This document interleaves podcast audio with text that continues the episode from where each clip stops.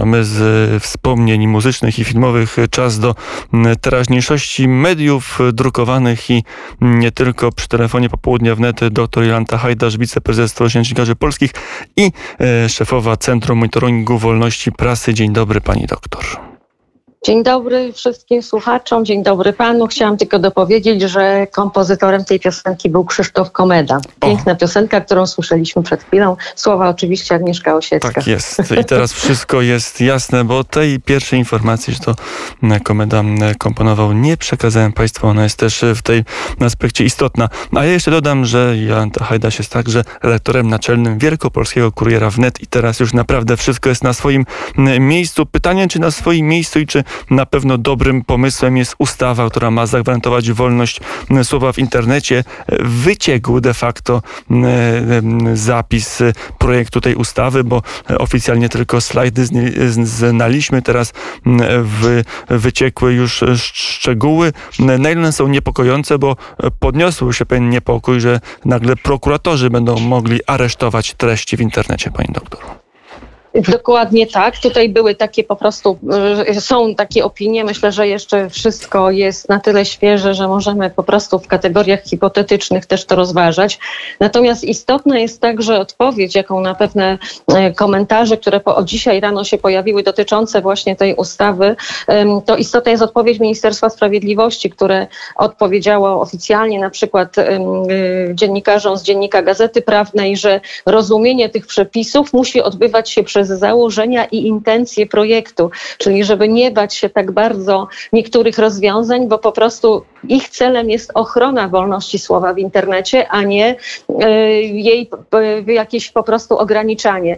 I e, na ten moment ja bym trochę w tym duchu tę ustawę odczytywała, bo w mojej ocenie e, jest bardzo istotny w ogóle sam fakt, że zajmujemy się tym jako państwo, tym problemem, jakim jest właśnie dzisiaj ochrona wolności słowa w internecie, że próbujemy się zmierzyć z tą naprawdę wielką samowolą tych gigantów, prawda, spod znaku GAFAM, czyli Google, Amazon, Facebook, Apple i Microsoft i po prostu spróbować chociażby ograniczyć właśnie tę ich no, samodzielność, tę ich właściwie niczym niekontrolowaną swobodę decydowania o tym, co może się ukazać na, w mediach społecznościowych, a co nie. Więc w mojej mojej ocenie, y, ja tak bardzo tego projektu się nie boję. Myślę, że ten etap legislacyjny, gdy się w parlamencie rozpocznie, można będzie doprecyzowywać y, właśnie pewne mm, sformułowania po to, żebyśmy no, nie wylali dziecka z kąpielą, czyli nie chroniąc wolność, nie, nie ograniczyli. Mm, e, pytanie jest, kiedy te, te prace ruszą i kiedy będzie można dokładnie analizować konkretny zapis e, z jego wpływem na rzeczywistość, bo rzeczywiście, jeżeli ma być tak, że nagle prokuratorzy mają mieć jakąś e, większą władzę nad treściami w internecie, to może być tak, że chcąc wolność zabezpieczyć, de facto rząd ją ograniczy. Tak, ale właśnie jakby generalnie Ministerstwo Sprawiedliwości podkreślało, że te nowe kompetencje prokuratorów dotyczą tylko i wyłącznie blokowania dostępu do treści o charakterze przestępczym, zawierającym na przykład publikacje z treściami pornograficznymi z udziałem małoletniego lub treściami, które pochwalają lub nawołują do popełniania czynów o charakterze wręcz terrorystycznym, czyli takich bardzo konkretnych, na pewno niekontrowersyjnych sprawach.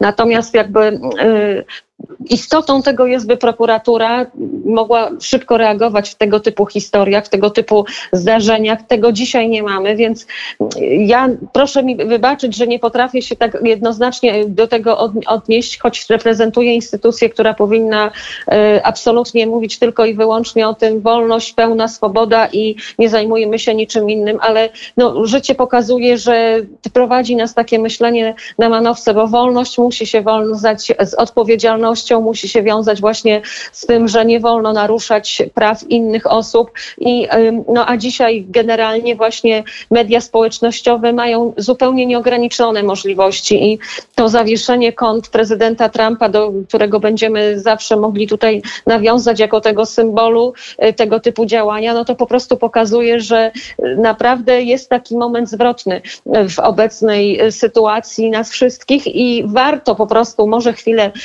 jakby pół kroku się cofnąć, żeby ocalić coś ważniejszego, większego, więc warto naprawdę, uważam, przeczytać z uwagą ten projekt, który jest już opublikowany na stronach Ministerstwa Sprawiedliwości i przeanalizować go dokładnie punkt po punkcie e, i, i zobaczyć po prostu, jak go wprowadzać w życie, być może modyfikując niektóre jego elementy, no bo wiadomo też, że jak dzisiaj zajrzymy na, do mediów, no to Okopres będzie całkiem na nie i po prostu tutaj będzie jeden wielki lament, co się, jaki jest zamach na wolność słowa, jak zawsze przy tego typu sprawach, więc ja tego typu postawy trochę biorę w nawias, bo y, wydaje mi się, że oni z założenia po prostu wszystko, co wychodzi dzisiaj z rządu, wszystko, co wychodzi już na pewno z Ministerstwa Sprawiedliwości, musi być przez nich y, obśmiane, zanegowane i nie widać tam wtedy nic dobrego, więc nie chcę, nie tego typu postawa. W mojej ocenie warto naprawdę pochylić się nad tym, to jest krok w dobrą stronę i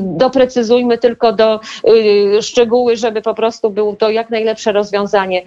Indywidualne y, po prostu w tej chwili rozmowy prowadzi i Francja i Niemcy z, y, po prostu z przedstawicielami mediów społecznościowych, podpisują z nimi bilateralne umowy właśnie po to, żeby można było na ich terenie ochronić tę wolność słowa, więc po prostu państwa widzą, że muszą odzyskać suwerenność, jeśli chodzi o internet, choć w jakimkolwiek minimalnym stopniu Polska też powinna to robić, więc nie dziwmy się, że tego typu prace są prowadzone. W mojej ocenie to bardzo dobrze, że to się dzieje.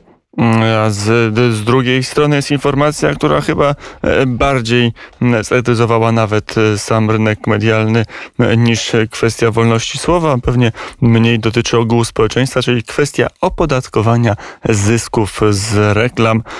To jest informacja z wczoraj, albo bardziej się rozszerzyła dzisiaj rano, że rząd chce ten nowy podatek już niedługo wprowadzić. No i tutaj rzeczywiście zawrzało na rynku medialnym, no bo media wielu rzeczy nie lubią, ale najbardziej nie lubią, jak im się e, dochody ogranicza. Na ile to jest ruch, który może uderzyć w rynek medialny, który i tak nie wszędzie jest najsilniejszy? E, powiem szczerze, że gdy wczoraj przeczytałam tę informację e, w internecie, no to byłam bardzo zdziwiona. Nie, nie wiedziałam absolutnie, że tego typu prace są prowadzone.